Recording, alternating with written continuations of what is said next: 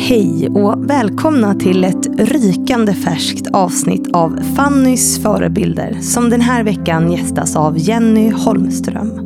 Hon och jag pratar om hur vi behöver göra de där små sakerna för våra relationer varje dag för att hålla dem vid liv. Men hur gör man det? Alltså hur kan man bli mer proaktiv och inte bara reaktiv i en relation? Men precis som vanligt i Fannys förebilder så är det här ett samtal om mycket annat också. Vi är liksom lite här och var. Vi pratar också om människors oförmåga att se verkligheten. Att vi ofta blundar för det som inte drabbar oss. Vi pratar också om porr och effekterna av den eftersom Jenny var med och grundade Porrfri barndom. Ja, det är ett avsnitt med en blandad kompott alltså. Och innan vi drar igång avsnittet så vill jag precis som vanligt tacka fantastiska Excitec som fortsätter att sponsra podden och gör att vi kan fortsätta ta del av alla fantastiska gäster. Så tusen tack för det Excitec.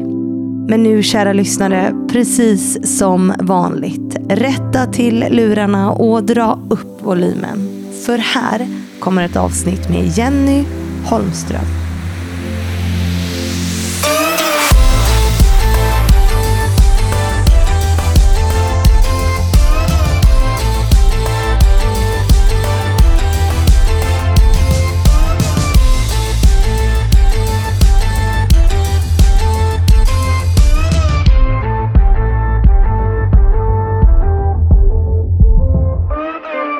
Jag kastar in dig i rummet och kör igång och säger varmt välkommen till Jenny Holmström. Tack så mycket. Kul att du är här. Jag är så pepp. Du är så pepp. Ja, yes. Hur känns det? känns det bra? Ja, är du landad? Och... Jag är landad. Jag sitter i någon slags meditativ yogaställning på någon fåtölj här, så att jag sitter jätteskönt. Ja, du gör det. Ja, för du, du sa det, du är bra på det där med yoga och sånt. Ja, det är lite min grej. Det är lite din grej. Ja. Det är sånt som jag borde bli bra på. Som jag är otroligt dålig på faktiskt. Ja, men det kommer ett nytt år nu, tänker jag. Ja, men har inte alla som nyårslöfte att man ska...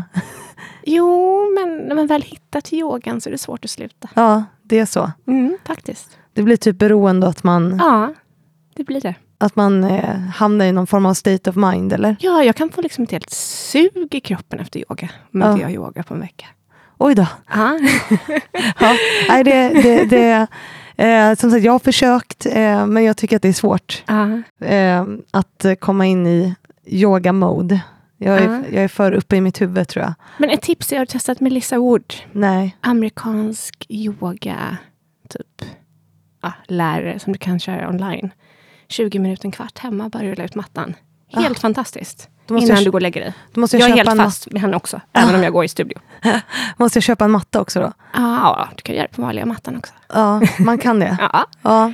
ja, jag får börja med yoga. Det är ja. mitt nästa. Eh, mitt, mitt årslöfte, nyårslöfte är att hitta tid för återhämtning i alla fall. Ja, okay. Passar yogan bra in. Ja, men nu ska vi inte prata om mig. Utan, det bara att vi kom in på det för att du hamnade i din yogaställning ja. där. Och, så här. och jag blev nästan lite imponerad för jag kan inte sitta sådär med benen. Jag är för stel. Eh, men alla gäster som kommer hit brukar ju få börja med att presentera sig uh -huh. själva. Har du, du lyssnar ju på podden ibland så du kanske visste det, annars brukar folk eh, få att det kommer som en chock. Ja, nej, men jag tänker att det är väl ett ganska vanligt format ja. att börja med. ja, kanske. kanske. Eh, vill du ha korta eller långa versioner? Ja, kör långa versionen. Vi, har, vi har ju lång tid på oss. Jag är en person eh, som gillar att eh, skapa positiv samhällsförändring. Och ja. jag är också mamma och partner. Mm. Och om vi börjar i det här med positiv samhällsförändring så tror jag att det kommer ifrån att eh, jag växte upp med en pappa. Eh, min pappa är ganska gammal. Han är över 80 och eh, när han var ung så jobbade han för Kungsholm och Svenska Amerikalinjen. Så att han har varit ute och rest över hela världen. Mm. Så jag växte upp med väldigt mycket historier kring hans tid på sjön. Och så hade jag en mamma som jobbade eh, för polisen med eh, flyktingar under väldigt lång period.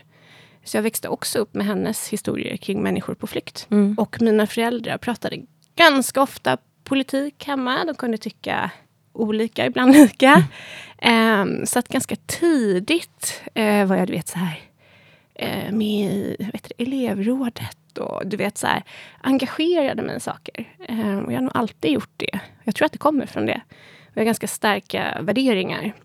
Så om jag känner att någonting inte lirar med mig själv så vill jag försöka ändra det. Och det är väldigt mycket vem jag är. Uppvuxen i Kalmar, har en lillebror. Um, och uh, ah, vanlig så här, medelklass uppväxt. Mm. Trygg, fin uppväxt med, med bra kompisar och bra skolgång. Mm. I Kalmar alltså? Ja. ja. Hur hamnade du här då, i Stockholm? Oj. Nej, men jag var en sån som inte skulle flytta till Stockholm. Utan så här, Göteborg eller Malmö var ganska poppis i mitt kompisgäng. Ja. Um, och sen så började jag gå E.ONs traineeprogram. Och jag satt faktiskt precis i byggnaden här bredvid. Så när jag kom in hit och skulle podda idag så slungades jag tillbaka till typ 15-10 eh, år sedan. Eh, och tiden på E.ON eh, som var helt fantastisk. Eh, ett helt fantastiskt traineeprogram eh, där jag då fick erbjudande om att flytta upp till Stockholm från Malmö eh, till en jätterolig tjänst. Mm. Och tänkte, men gud, det här tackar jag inte nej till. Och så hamnade jag i Stockholm. Vad var det för traineeprogram och tjänst? Liksom? Ja, men traineeprogrammet är helt fantastiskt. Jag tror att de fortfarande kör det. Det är ett och ett halvt år var det då. Väldigt mycket fokus på individen eh, och att man ska komma ut i en roll som passar en själv i bolaget. Mm. Och eh, man fick prova väldigt många olika delar. Så jag var ute och jobbade liksom i E.ON gasbolag. Jag var i USA och jobbade i ett bolag där. Men sen var det liksom hela tiden fokus på eh, vad man själv vill och hur man vill utvecklas. Och jag kom in som eh, beteendevetare och ekonom och jag tror att de kanske hade en föreställning om att jag skulle bli liksom nästa HR-chef och liksom komma ut och jobba med HR i bolagen. Mm. Uh, men när jag började jobba med... För det var det du pluggade i Malm? Nej, i Göteborg. I Göteborg uh, ja. Handelsuniversitetet, ekonomi och vad heter det, HR. Ja. PA-programmet mm. hette det då. men så fick jag en helt fantastisk chef, Sina Liljeqvist, som idag är marknadschef på, på Skandia. Mm. Och jag började jobba med sponsring. Och då var ju sponsring jättehett. Eh, det var ju typ det hetaste som fanns innan influencers och allting. Mm. Och det var ju så roligt. Jag jobbade med så sport och kultur, eh, sponsring framför allt. Och sen så var jag med och liksom byggde upp nattvandring.nu och olika typer av organisationer som jobbade med kanske för, för samhället. Mm. Och jag blev helt fast i det. Eh, så det var på den vägen jag kom till Stockholm. Mm. Så jag har suttit i väldigt många simhallar och jobbat med Svenska simförbundet för ökad simkunnighet. Jobbat med Moderna Museet.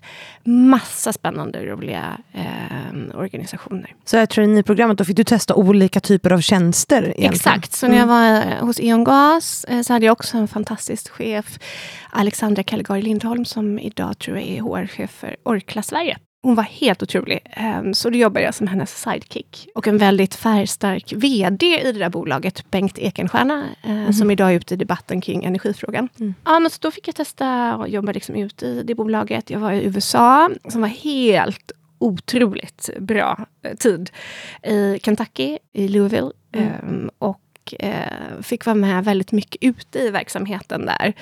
Eh, E.ON levererade bland annat energi till Fortnox, så fick besöka det. Eh, var ute i de här liksom, gruvarbeta-communitiesen, där E.ON också levererade el till. Fick vara väldigt hands-on med, med kunder. Det var en jätterolig period. Mm.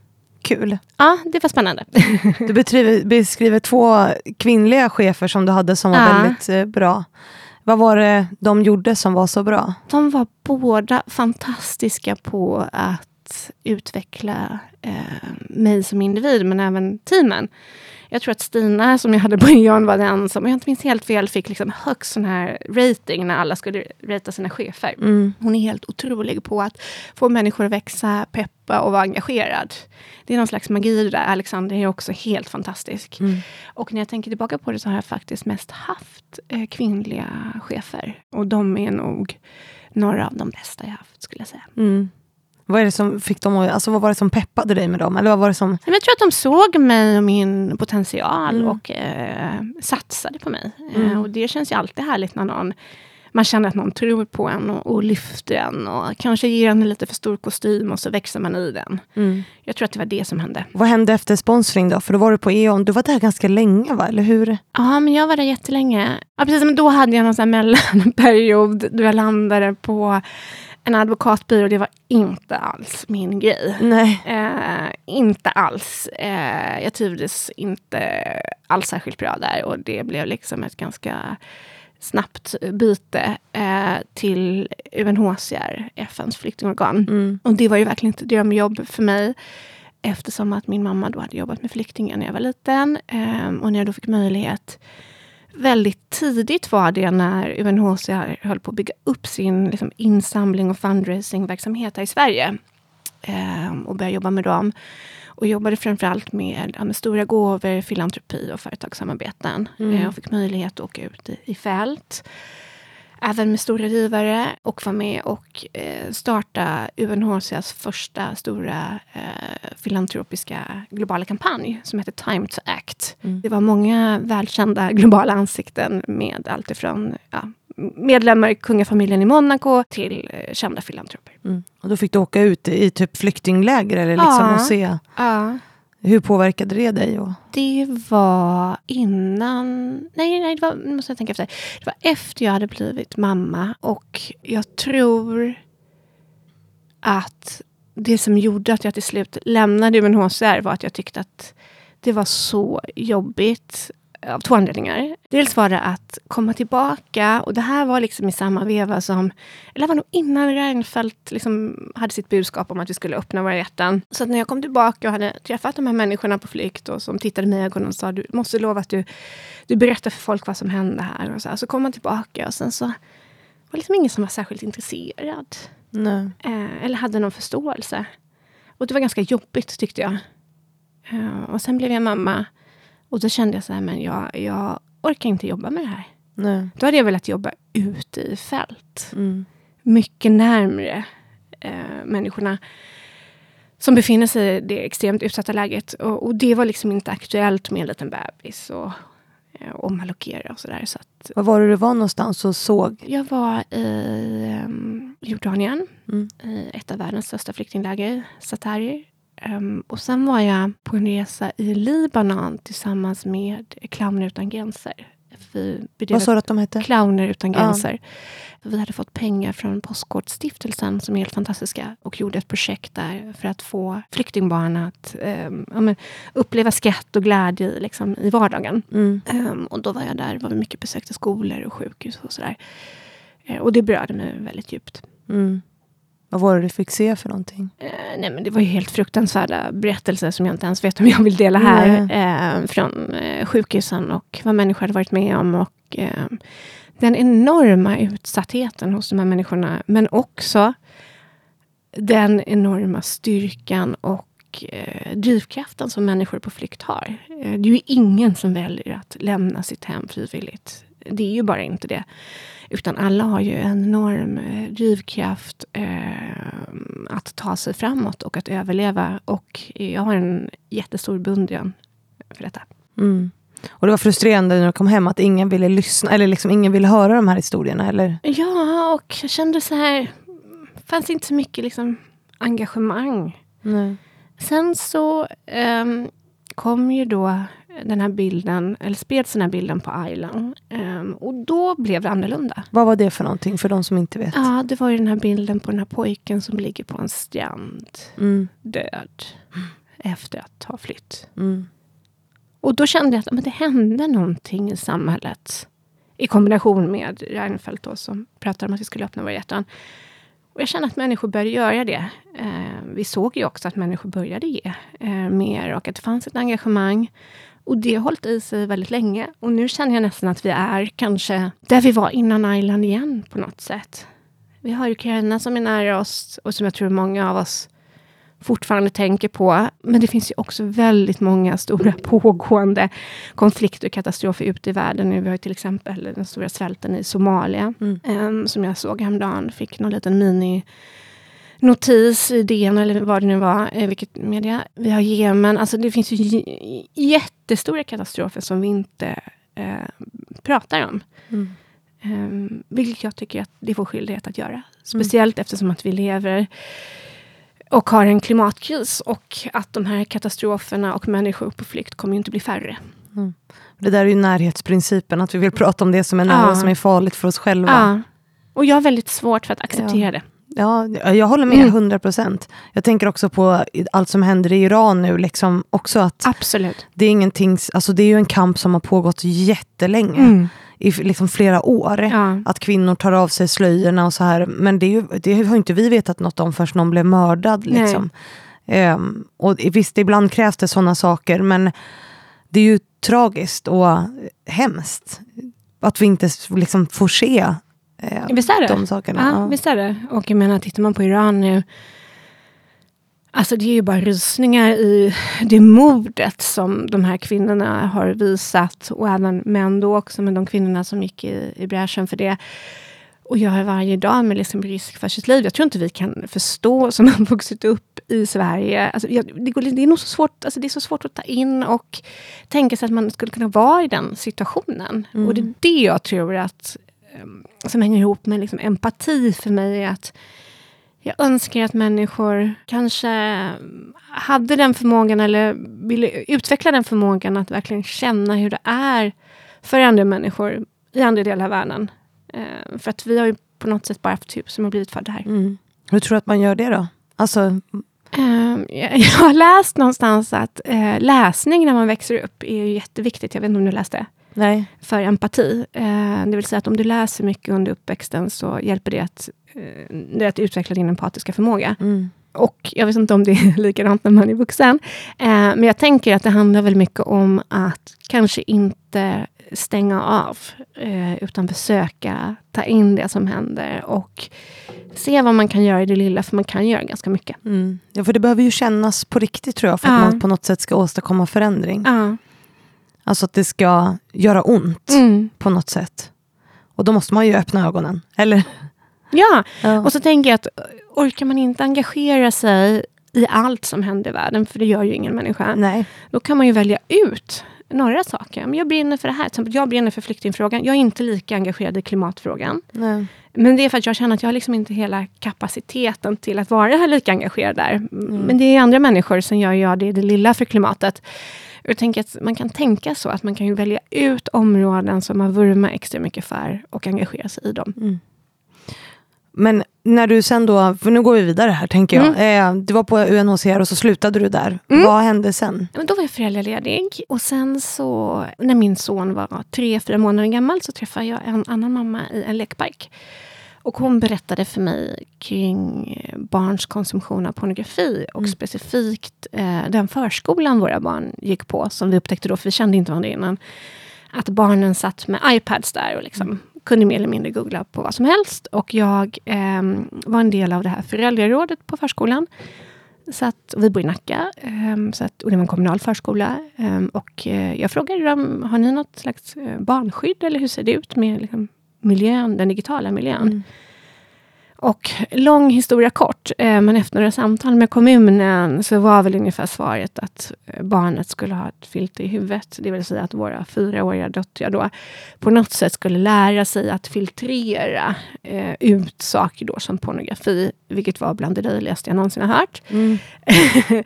Eh, det finns ingen rim och reson i det alls. Och då startade vi en namninsamling eh, som snabbt växte sig väldigt stor. Och det var väl då upptakten till Porrfri barndom. Mm.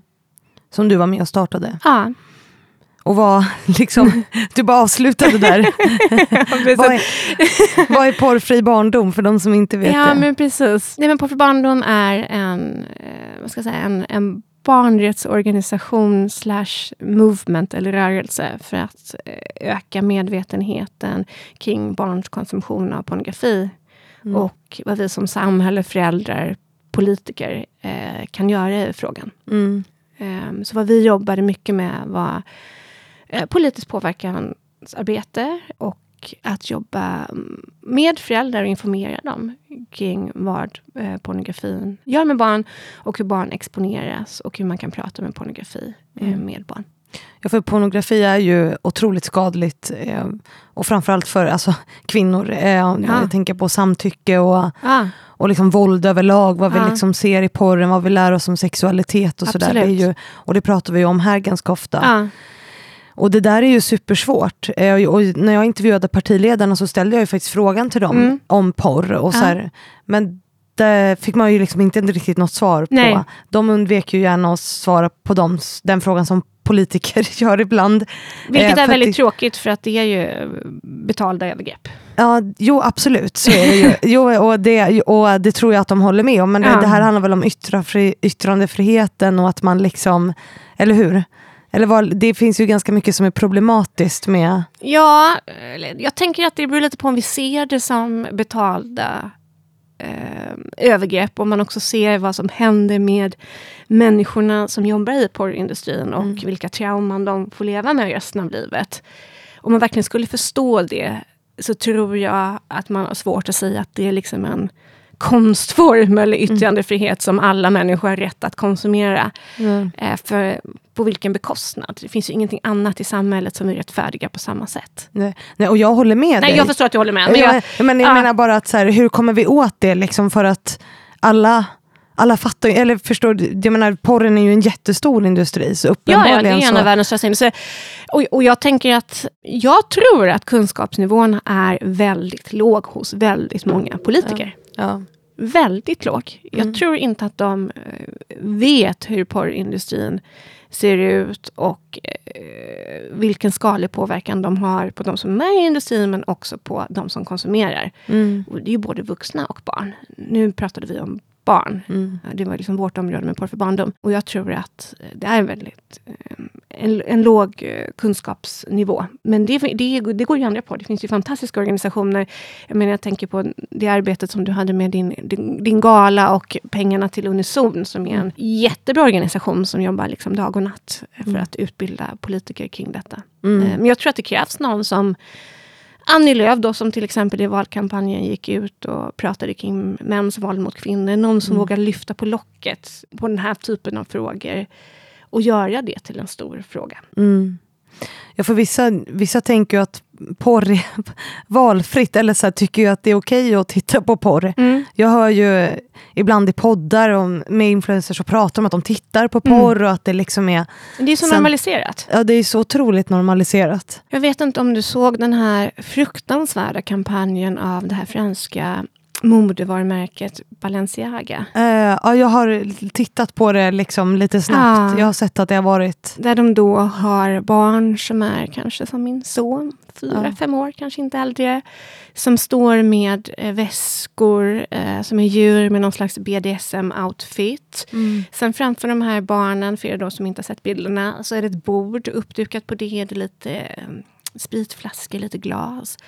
Och sen ligger det, jag tror att det är en amerikansk barnpornografidom. Alltså typ som papper upplagda utspritt så Mm. framför. Och man blir glad av att se kritiken mot den här reklamen. Men man Mm. blir också mörkrädd hur den har kunnat gå igenom så många olika instanser som jag antar en eh, stor kampanj för ett jättestort varumärke har gjort. Eh, och jag tänker framförallt föräldrarna till de här barnen. Men det är ju genomtänkt att marknadsföra barnporr. Eller så här, om man dessutom har lagt upp en dom och liksom... Ja, ja, det är jättegenomtänkt. Mm. Men att det inte någonstans i den här kedjan fanns någon som sa stopp, Ja. är ju väldigt sorgligt. Men vadå, vad var syftet med den reklamen? Jag fattar inte det. Jag tänker att syftet var att eh, visa på en, inom citationstecken, cool bild av deras produkter. Ja, fast det är inte coolt. Nej, det är verkligen inte coolt, men det jag menar är Nej, men alltså, jag menar, det är ju det så här korkat. normaliserades, eh, normaliseringen kring pornografi. Ja. Eh, att den har sträckt sig så långt att man kan göra den typen av kampanj och tycka att eh, liksom, det är en cool kampanj. Men det är ju helt orimligt. Eller så här, jag förstår Ja, inte. det är helt orimligt. Men jag är, inte borde jag är inte förvånad. Nej, men i, mitt, I min hjärna borde Mm. det finnas ett annat syfte. Alltså att man kanske vill eh, lägga uppmärksamhet på att det är normaliserat. Men det har de inte. Jag tror inte det. Nej, det var bara liksom korka. Alltså, Jag tror de ville skapa en cool, kreativ kampanj som kanske var liksom lite utmanande och edgy fast de inte fattade vad, eh, alltså, vad det var egentligen de gjorde. Nej. Nej, det är ju helt eh, sinnessjukt. Ja, det är Alltså, helt sinnessjukt. Ja, det är så här, marknadsföringsregler 2.0 gör inte så. Nej, nej, nej, nej, nej. Nej. Och sen, jag läste inte hela deras ursäkt, men den var ju väldigt blant, eller den var ju väldigt så här, ja, vi ber om ursäkt, eh, och jag vet inte vad de skrev, att att det var någonting kopplat till den som hade haft ansvar för att lägga fram den här tror jag, liksom, domen som låg på bordet. Skulle, liksom, de skulle följa upp det kring, kring den personen eller vem det nu var. Men det var ju liksom ingen ursäkt som berörde på något sätt. Eller att man kände så här, men gud, de har verkligen förstått att de har gjort fel. Nej, de har liksom inte fattat Nej. alls. Men det är väl det, vad deras varumärke står för, tänker jag. Ja, men det är ju, alltså, ja. Jag Och där typ- tänker jag, men det är det som egentligen är häftigt med den här konsumentkraften som är nu. Ja. Där man då verkligen kan välja att välja bort den typen av varumärke. Mm. Um, jag är väldigt noga med vilka varumärken jag bär uh, och varför och försöker bli ännu mer. Mm. Just när det kommer till den typen av värderingar. Jo men också att det, men samtidigt så, så krävs det ju det, att, du, att det händer någonting ja. sånt. För konsumenter överlag kollar inte upp saker. Alltså, det är liksom, jag tänker, och det kravet vill man ju, eller det hade varit toppen om man kunde ställa det kravet på konsumenter överlag. Handla inte produkter av företag som inte har de här grejerna. Eller handla inte av företag som jag... Jag borde ju till exempel inte handla av företag som inte har jämställda styrelser Nej. och ledningar. Till exempel. Nej. Alltså det är ju en sån här grej som eh, skulle hjälpa otroligt mycket. Men det gör man ju inte. Alltså, nej, nej, nej, kanske inte slaviskt. Eh, men jag är lite tillbaka till där jag började någonstans i att man kan ju börja med att fokusera på vissa områden som betyder mm. mer för en. Ja. Eh, och visa sin konsumentkraft därigenom. Jag såg något initiativ nu från eh, Maria som driver Astrid Wild, de här outdoor-kläderna. De har lagt upp någon lista på julklappar från eh, Female Founded eh, företag. Jag bara ja. kände såhär, men gud, det där talar till mig. Mm. Skulle absolut kunna tänka mig att köpa julklappar från de här kvinnliga entreprenörerna. Mm. Eh, sen är det ju jättesvårt i liksom ens normala vardag att göra de här valen. Mm. Och det är ju självklart att företag eh, behöver ta ansvar för sin produktionskedja och vilken typ av kommunikation man, man jobbar med. Jag lägger, jag lägger inte allt ansvar på konsumenten. Mm. Min poäng med det här var mer bara att vi som konsumenter har ju också en väldigt stor påverkan i det vi gör. Och det är ju på något sätt att om man köper en väska från dem, men det är ju på något sätt för mig då att ja, men, då tycker man att det är okej. Mm. Ja men det där borde ju gå att underlätta för människor kan jag tycka. Mm. Alltså att, att göra det lättare. Jag tänker till exempel när man investerar i aktier och sådär så finns det ju inte så mycket fakta i de här apparna som, som jag använder Nordnets till exempel om jämställdhet och sådana där saker. Att det, det borde ju finnas liksom så här. Det här är våran, det ska man ju söka upp själv då. Ja, jag vet. Och det är det som är så komplicerat. Eh, allt ifrån det till om du står i mataffären och vill förstå någon slags klimatpåverkan på jag vet inte, rispaketet eller vad du än har. Mm. Det är ju svårt som konsument att välja mm. rätt. Jag ja. håller med dig. Det är jättesvårt. Vi ställer ju Alltså det är att ställa ganska höga krav ja, och det kräver ju att man är, mm. som jag då, intresserad ja, av. Exakt. Så att jag kollar ju upp mm. så vilka företag när jag investerar ja. är jämställda och så vidare. Men det kravet alltså, är ju svårt att ställa på mm. individen. Mm. Där tänker jag att företag kan göra mycket, mycket mer. Absolut. Och också politiker och liksom, ställa vissa krav. Jag tänker i affärslivet, ibland ser jag mer och mer hända att man ställer den typen av krav om man ska upphandla en tjänst mm. eller sådär. Alltså, vad har ni för hur ser det ut med jämställdheten mm. och mångfalden? Vad har ni för planer? Alltså sådär. Mm. Och, och, ja, jag vet inte, jag, det, det, här blev bara någon så här konstig Nej men jag håller med dig 100%. hur vi kan ehm, påverka. Ja, liksom. Absolut. Ja, det får vi skapa. finns möjlighet för innovation även där tror jag. Ja, 100% mm. det gör det. Men hur länge var du på porrfri barnrum? För det, det finns ju kvar, men du är inte kvar där, eller hur? Jag är inte kvar där. Hur länge var jag där? Ja, men, två år kanske. Ja ja, det var ju en superspännande resa. Mm. Det var full on från dag ett um, och 24-7. Eh, Jättespännande och framförallt otroligt, vad ska man säga, eh, jag blev så irriterad på hela problematiken kring ja. det här att vuxenvärlden inte visste någonting, mer eller mindre vad barn höll på med. Och det var så skönt att bara få så här, ta, ta tag i det och bara kommunicera ut och komma igenom bruset och, och lyfta den här frågan. Mm jag gillar att vara ganska tidig i en fråga och börja kommunicera den genom bruset. Precis som med UNHCR så blev det samma grej med barndom. När det är lite sådär, pornografi var ju ännu mer obekvämt att prata kring, men människor på flykt är ju kanske inte heller det mest liksom, sexiga att prata kring då, om man mm. säger så. Nej. Och jag gillar att uh, prata kring saker som är lite stigmatiserade och skaver lite. Mm, vad är det som är kul med det? ja, men det är ju att eh, vara med och påverka någonting väldigt tidigt. En, och få människor att öppna ögonen och eh, ja, men förstå att, hur det påverkar dem eller eh, sätta sig in i situationer för andra flyktingar eller som jag jobbar med nu, relationer. Att okej, okay, men den här pusselbiten i mitt liv har jag ju inte ens eh, funderat över. Den är ju superviktig. Men, men du är en sån som hittar lite känns det som lite energi ur att bli lite frustrerad? Eller liksom ja, att... precis. Det är min drivkraft. Ja. Jag drivs inte av pengar, utan jag drivs 100% av fr frustration och någon slags liksom, djupvärdering i att någonting kan bli annorlunda och en övertygelse om det. ja. Det, det är liksom din... Ja, gud ja. Och speciellt om jag blir liksom lite motbevisad, som, eller om folk inte riktigt tror på det jag säger. Ja. Som till exempel när jag grundade Kappelnäs så pitchade vi för en inkubator som heter Antler och eh, de vill inte investera i oss. I porr för barndom? I, Kappelnäs, Ah, okej. eh, mitt bolag som jag driver nu. Ehm, och eh, det blev bara en sån här enorm typ eld för mig att bara, I'm gonna prove them wrong. Ja. så. Mm. Ehm, jag gillar att liksom lite slå i underläge. Ja, det är bra. Och vi ska komma in på vad du gör nu Ja. också. Men, men, men eh, du lämnade porrfri bar, Mm. barndom efter två år. Vad var det som gjorde att du kände att nu vill jag... Ja, precis. Men jag tror att det var dags för Porr för barndom att det var en av oss som ledde organisationen vidare. Ja. Eh, och då eh, sa jag till Elsa att antingen är det du eller jag, jag gör det jättegärna. Men eftersom att den här idén kommer från mig så får du bestämma. Och då sa hon att jag vill göra det. Och Ja. då sa jag att okej, men då tar jag ett kliv åt tiden. Mm. Eh, och det var ju superjobbigt. Det var ju liksom min baby och jag brinner fortfarande väldigt mycket för frågan. Och det var många tårar kopplat till det där. Mm. Ja, men ni hade svårt att samarbeta eller det var bara att Ja, någon behöver... jag, jag tror att det blev bäst att liksom en av oss drev Ja. det där vidare. Och det är alltid svårt när man har varit med och, och byggt upp någonting. Mm. ehm, att släppa taget. Mm. Eh, så det var en process i sig. Ehm, vilket sen då ledde mig in till det jag gör nu.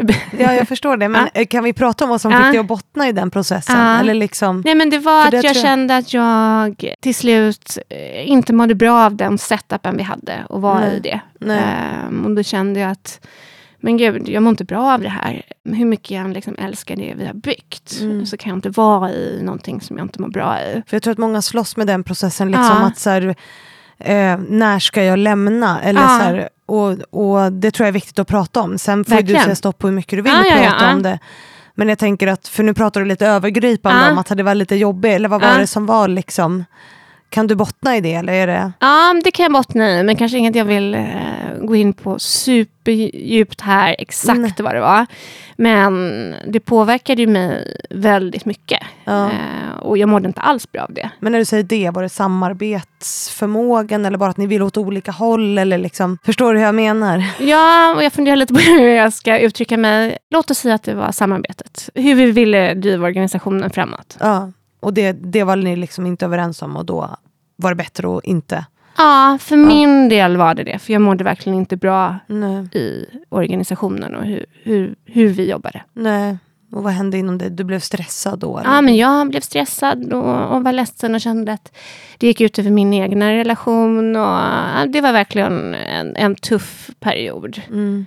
Um, jag har ju gått i terapi innan, eh, under tuffa perioder, och gick i terapi då. Mm. Och det är ju fantastiskt Mm. eh, att kunna gå i terapi. Och Liksom få... reda ut tankarna lite. Åh gud ja, reda ut tankarna och ehm, ja, få support tänker jag kan vara ganska bra när man är lite sådär sårbar. Mm. Ja, antingen via terapi eller att man har någon mentor eller någon som man kan Ja. bolla saker med. Faktiskt. Och det är väldigt speciellt när man har byggt upp någonting själv. Nu gör jag det igen. Och jag har lämnat arbetsplatser tidigare. Och det var ju jättejobbigt när jag lämnade E.ON efter, jag vet inte hur länge jag var där, sex, sju år. Och det var, det var som en familj och många man kände och, och tyckte väldigt mycket om. Men när man har byggt upp någonting själv, det är eh, så svårt tycker jag att eh, lämna det. Mm. Eh, men när man då landar så här, men vad är viktigast? Det jag byggt upp då på för barndom eller det är min egna hälsa och min egna Mm. familj. Då är ju valet Mm. Eh, ganska givet. I alla fall för mig var det det. Mm. Och då valde jag ju familjen och mig själv. Eh, och när jag hade gjort det eh, och, och landat i det och liksom, du vet, artikulerat det för någon. Bara, men jag har bestämt mig för det här. Det var jätteskönt. Men det är ju alltid den här perioden innan, om det är tre månader eller hur lång den här perioden är, eller ett halvår eller vad det nu föregås av. Det är ju ett helvete. Mm. Det är ju skitjobbigt. Men när man väl har landat och bestämt sig så är det så förlösande. Jag kan tänka mig det också att det blir svårt. För jag tänker om jag skulle lämna det här, liksom Fannys Mm. förebilder, att det blir också en del av, när man jobbar med något som man brinner för och liksom bygger Ja. någonting eget, så blir det också en del av ens identitet Ja. på något sätt. Eh, och en del som man måste göra sig av med. Jag vet inte vad jag skulle göra om jag... Alltså så här, Nej, det är jättesvårt. Eh. Jag fick ett bra tips från en ja, för det var mycket vad gjorde du då? Nej, men jag fick ett bra tips och det har hjälpt mig eh, i andra situationer också. Och det är ju det här med att ja, man är ju inte sitt jobb. Man är ju Nej. så mycket mer. Jag är ju mamma, partner, jag är vän. Mm. Och när man landar i det, för vi hade ju också väldigt mycket så medial publicitet och det var liksom väldigt eh, det var liksom mycket attention. Mm. Och jag tror att jag är ganska bra på att liksom inte sugas upp i det, liksom att man får något ego av det. För vissa går ju liksom igång på det, men jag går inte jättemycket igång på det. För mig är media mer liksom en megafon att få prata om det jag vill prata om. Eh, egentligen inte för att jag vill ha allt ljus eh, på mig. Jag mår inte dåligt av det. Mm. Men det är inte så att jag sitter och myser i liksom en soffa. Bara, mm, nu är liksom kameran på mig. Det går jag inte igång på. Eh, det är mer att det är liksom ett medium att få, få komma ut och prata. Och jag tror att det kan ju bli en, en drog för många. Att man gillar liksom att synas och, och prata och sådär. För mig var det liksom jätteenkelt att bara stiga ur. Det var mer ansvaret kring de som hade donerat, donerat pengar till organisationen och liksom alla samarbeten vi hade.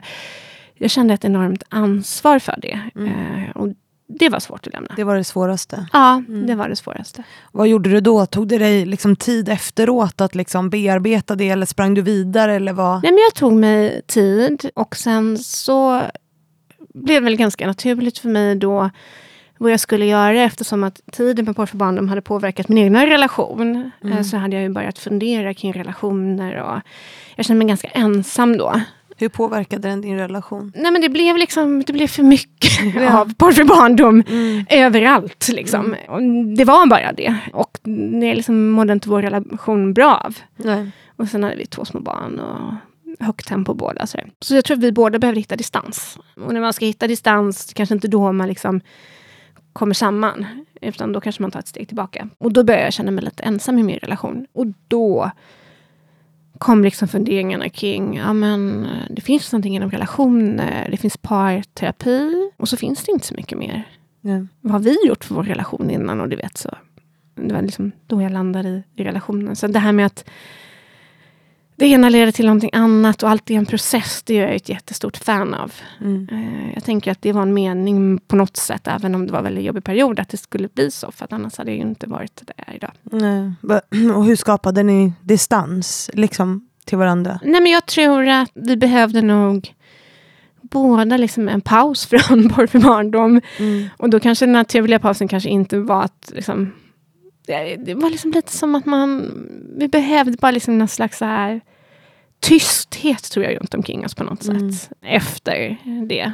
Hur skapade ni det? Jag försöker tänka tillbaka på hur vi skapade det. Det var vår eh, och det var sommar. Jag tror att jag skapade det mycket Kanske genom, du vet, många långa promenader, yoga, alltså typ jobba med mig själv tror jag. Men då gled ni ifrån varann? Eller? Ja, eller gled ifrån varandra, men det var liksom som att det blev kanske ett behov av att bara ta det lite lugnt och ge varandra lite space tror jag. Mm. Det var så intensivt. Mm. Vi behövde det. Och då kände du dig ensam. Hur visade Ja. det sig? Alltså vad var det som gjorde att du, för det, det har jag också spelat in ett avsnitt om med Anna Ja. Bennick, att man kan känna sig ensam fast Ja. man har en, en relation, fast Ja. man har massor med människor Jag omkring vet, sig. och jag är ju väldigt social och har ju hur många vänner som helst. Och, och som, det var nog känslan av att ingen riktigt förstod kanske det jag gick igenom. Och att vi behövde space liksom, från Porr för barndom. Så att vi liksom, jag behövde ju någon att bearbeta och liksom gå igenom det här med. Mm. Och då, jag var ju van att vända mig till min partner med allt. Mm. Eh, Men det var ju liksom inte riktigt han jag skulle prata med då. Nej. Och då behövde jag andra personer att prata med och då tror jag det blev liksom mer distans för att jag var så inne i det här. Ehm, jag tror det var det som hände. Mm. Och vad gjorde ni sen då? För då väcktes idén till Get Coupleness som du driver Ja, till nu. Coupleness. Ja, För det här var också något som min sponsor Excitec ville höra mer om. absolut. Är det Coupleness eller Get Coupleness? Nej, eh, Coupleness, Ja. getcoupleness.com i webben. Men, Ja, ja, okej, ja. ja. men det är lugnt, du är inte den första. Nej. Nej, men och då var det en lång sommar och sen så började jag på Antler då, som är eh, den här liksom VC-inkubatorn. Mm. Där man får möjlighet att träffa andra människor och jobba på en ny affärsidé eller ja, hitta en affärsidé i, i inkubatorn. Mm. Och då träffade jag min medgrundare Ted där. Och då var det bara en slump att han bodde i Nacka där jag bor. Så vi började pendla ihop. Mm. Ehm, och då satt vi och pratade lite. Och vi hade lite, lite samma familjesituation med två små barn som är ungefär lika gamla. Och började prata kring det här med relationer. Och hur hinner man med relationen i vardagen? Och vad gör man egentligen för relationen? Mm. Och sen när jag byggde Porr för barndom så hade jag jobbat jättenära Linn Hed. Som är en av Sveriges främsta ja, men, psykologer inom relationer likt Anna mm. eh. Så jag och Ted pitchade vår idé eh, till henne. Och vad var er idé? Eh, då var det en app eh, där man kan dela hur man mår och varför med sin partner. Mm. Och då sa hon, wow, det här har jag väntat på typ hela min karriär. Vi Ja. måste bli mer proaktiva. Mm. Jag vill vara med på tåget. Och då sa vi, absolut. Mm. Och det var ju då mm, ungefär tre år sedan. Mm. Och du, du måste berätta mer. Ja. Du, du bara avslutar meningarna. Men liksom, vadå, ni bara kom på en idé eller liksom hur... Vadå, man delar vad, hur man mår. Alltså du, Nej men så här, vi gjorde en jättegedigen research på vad finns det inom relationer och landade i att det som finns det är parterapi. Det är ofta reaktivt, det kan kosta ganska mycket pengar och det är en Mm. jättehög tröskel. Och vi ville bygga någonting som var proaktivt, inte lika dyrt och med en eh, låg tröskel. mm. Och då tänkte vi, ja men det finns inte så mycket där ute. Det fanns någon annan relationsapp, även om det har kommit några fler nu sen vi började.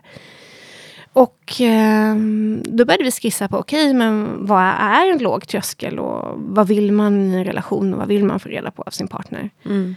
Ehm, och då började vi fundera lite kring det här med att det är svårt att hitta tid och kanske energi att prata med varandra lite mer på djupet. Mm.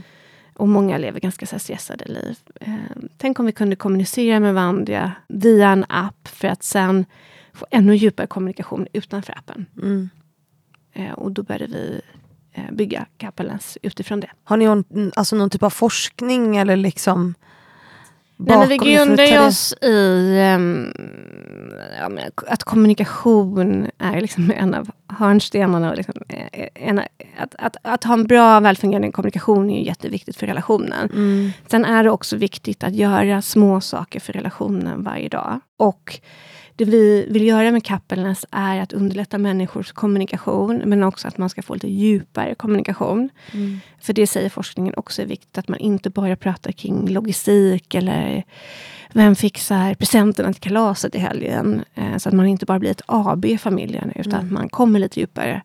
Så det vi vill göra med Coupleness är egentligen möjliggöra att man kan förstå hur den andra mår och varför. Mm. Och då går man in där och liksom fyller i, så här mår jag idag. Liksom. Exakt. Det är så, liksom så pass enkelt så att, säga, att Ja. man delar det med varandra. Det är en glad eller ledsen mun som du liksom swipar. ehm, och sen så fyller du i dina känslor. Ehm, du kan välja hur många du vill. Över 50 känslor. Mm. eller kan du bara säga att du känner dig glad eller ledsen. De här vanliga känslorna om du bara hittar till dem. Mm. Och sen är det då faktorer. Det kan vara allt ifrån hormoner eh, till trafiken, till din partner, kollega, chef, vädret, träning, mental hälsa. Vi har massa olika faktorer. Mm.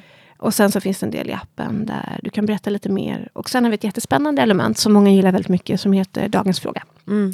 Och den kopplar an till eh, det som forskningen säger att nyfikenhet och att komma djupare är viktigt. Mm. Så då får man en fråga om dagen. Som man, många pratar om utanför appen också. Så du behöver inte kanske svara i, den, i appen om du vill. Du kan sitta och, liksom, och ha telefonen och bara läsa, nu kör vi dagens fråga. Ja för det där tänker jag att det är, ju superviktigt att man inte bara fastnar i en app. Nej, och det ska jag säga, För det det- gör inte våra användare. Nej, Nej. För, det, för det tycker jag är ett problem alltså, i många alltså, relationer överlag. Att Mm. man sitter med telefonen och liksom Gud, ja. är i den världen. Men det här är mer som ett att hjälpmedel. Ja. Eh, och det är väl den vanligaste eh, vad ska man säga, frågetecknet kring kappeln som jag får ibland är just, okej, men ska man bara sitta i appen då? Ska man inte prata? Vi bara, men alltså, de som använder Kappelnäs, de säger att de pratar ännu mer Mm. utanför appen för att de får mer förståelse för varandra. Så om du har trackat att du känner dig lite trött idag och att det har hänt någonting och så kommer du hem och så säger din partner, men gud, jag såg att du har haft en jobbig dag på jobbet, vill du berätta lite mer om den? Mm. Och så berättar man mer om den. Istället för att man kanske inte delar det. Eller att man delar det och partnern säger, vet du, jag hinner inte lyssna nu för jag står här med disken, kan vi ta det sen? Och så pratar man inte om det. Nej. Och det får ju på ett sätt tråkigt att det behövs en app för att man ska Ja. kommunicera med varandra. Ja. Tycker ju jag då. Alltså det är en Ja. bra idé men jag tycker att det är Nej, jättetragiskt. men jag fattar. Men jag tänker att appen för mig är mer som kanske teknik och ett hjälpmedel. Lite som så här Calms meditationer sitter du liksom och lyssnar Mm. på. Eh, Att jag ser det mer som ett hjälpmedel för kommunikation som vi kanske inte, vi har inte lärt oss det. Jag menar ingen av oss när vi gick i skolan fick lära oss kring så här, vad är det att älska någon annan eller hur vill jag bli älskad? Mm. Vi har då, apropå det vi pratade om innan, vi är väldigt influerade av Hollywood och sociala medier och sådär och tror att det ska vara på ett visst sätt. Men alla som är i en relation eh, vet ju att det inte är så. Ehm, så på det sättet ser jag det mer som ett, så här, ett hjälpmedel som många andra. Mm. Att komma vidare liksom, i sina relationer, komma igång med kommunikationen. Ja, och att jag menar så här, mm, vi har appar för träning, både mental och fysisk hälsa. Alltså för mig är det inte... Det är ungefär samma sak med relationen. Det är bara så här en tårtbit av vårt egna välmående som vi behöver ta hand om. Och som många av oss har glömt bort. Mm. Är det, kan du se vem det är som initierar det här? För jag tänker att det oftast är kvinnorna som är Ja, intresserade det är av relationerna. Mm. Det är det som är er målgrupp. Liksom. Precis, och det visar ju forskning också då. Ja. Om man tittar på det här med emotional labor eller invisible labor. ehm, att eh, kvinnor oftast tar ansvaret för ehm, relationen och, och Mm. hur den mår. Och så är det hos oss också. Mm. Att det är kvinnorna oftast som initierar och är mest nyfikna. Mm. Vad har varit männens respons då? En del män har ju bara varit ja, vi kör. Mm. Medan andra män kanske mer har varit att vi har väl inte problem i vår relation. Eller Nej. behöver vi verkligen det här? Ehm, och det tänker jag bottnar ju i att vi har någonstans kanske missat att prata kring våra relationer som ett pågående jobb och Mm. att man inte behöver ha problem för att jobba på sin relation. Nej. Precis som med träning då, om vi ska göra den metaforen, så kanske det inte är efter hjärtinfarkten du börjar träna, utan många av oss kanske tränar innan för att man vill må bra eller man vill springa något lopp eller sådär. För mig är det liksom inte, det är samma sak. Mm. Det är bara det att vi inte har fått med oss det från skolan eller barnsben, att man behöver liksom ta hand om sina relationer. Nej. Nej, relationskunskap i skolan, det brukar ju Anna Bennick prata om, att man Ja. borde ha någon form av utbildning i det. Verkligen. Och nu i nya läroplanen, där man för övrigt också um, ska börja prata om pornografi på ett annat sätt, som jag tror um, implementerades första juli i år. Där ska det ju ingå eh, relationer också. Jag vet inte hur den är utformad. Nej. Det är superbra. Ja, visst är det? Ja. Och vi måste börja avrunda Ja. nu. ja, säger du. eh, är det något du känner att vi har missat nu som du vill? Nej. Nej, du har fått prata av dig helt enkelt. Ja, Ja. det var ett jättespännande. Tack. Ja. Då säger vi tusen tack för att du har varit här. Tack så mycket. Och tusen tack till alla er som lyssnat på veckans avsnitt. Jag hoppas ni får en bra vecka och så hörs vi ju på onsdag igen precis som vanligt.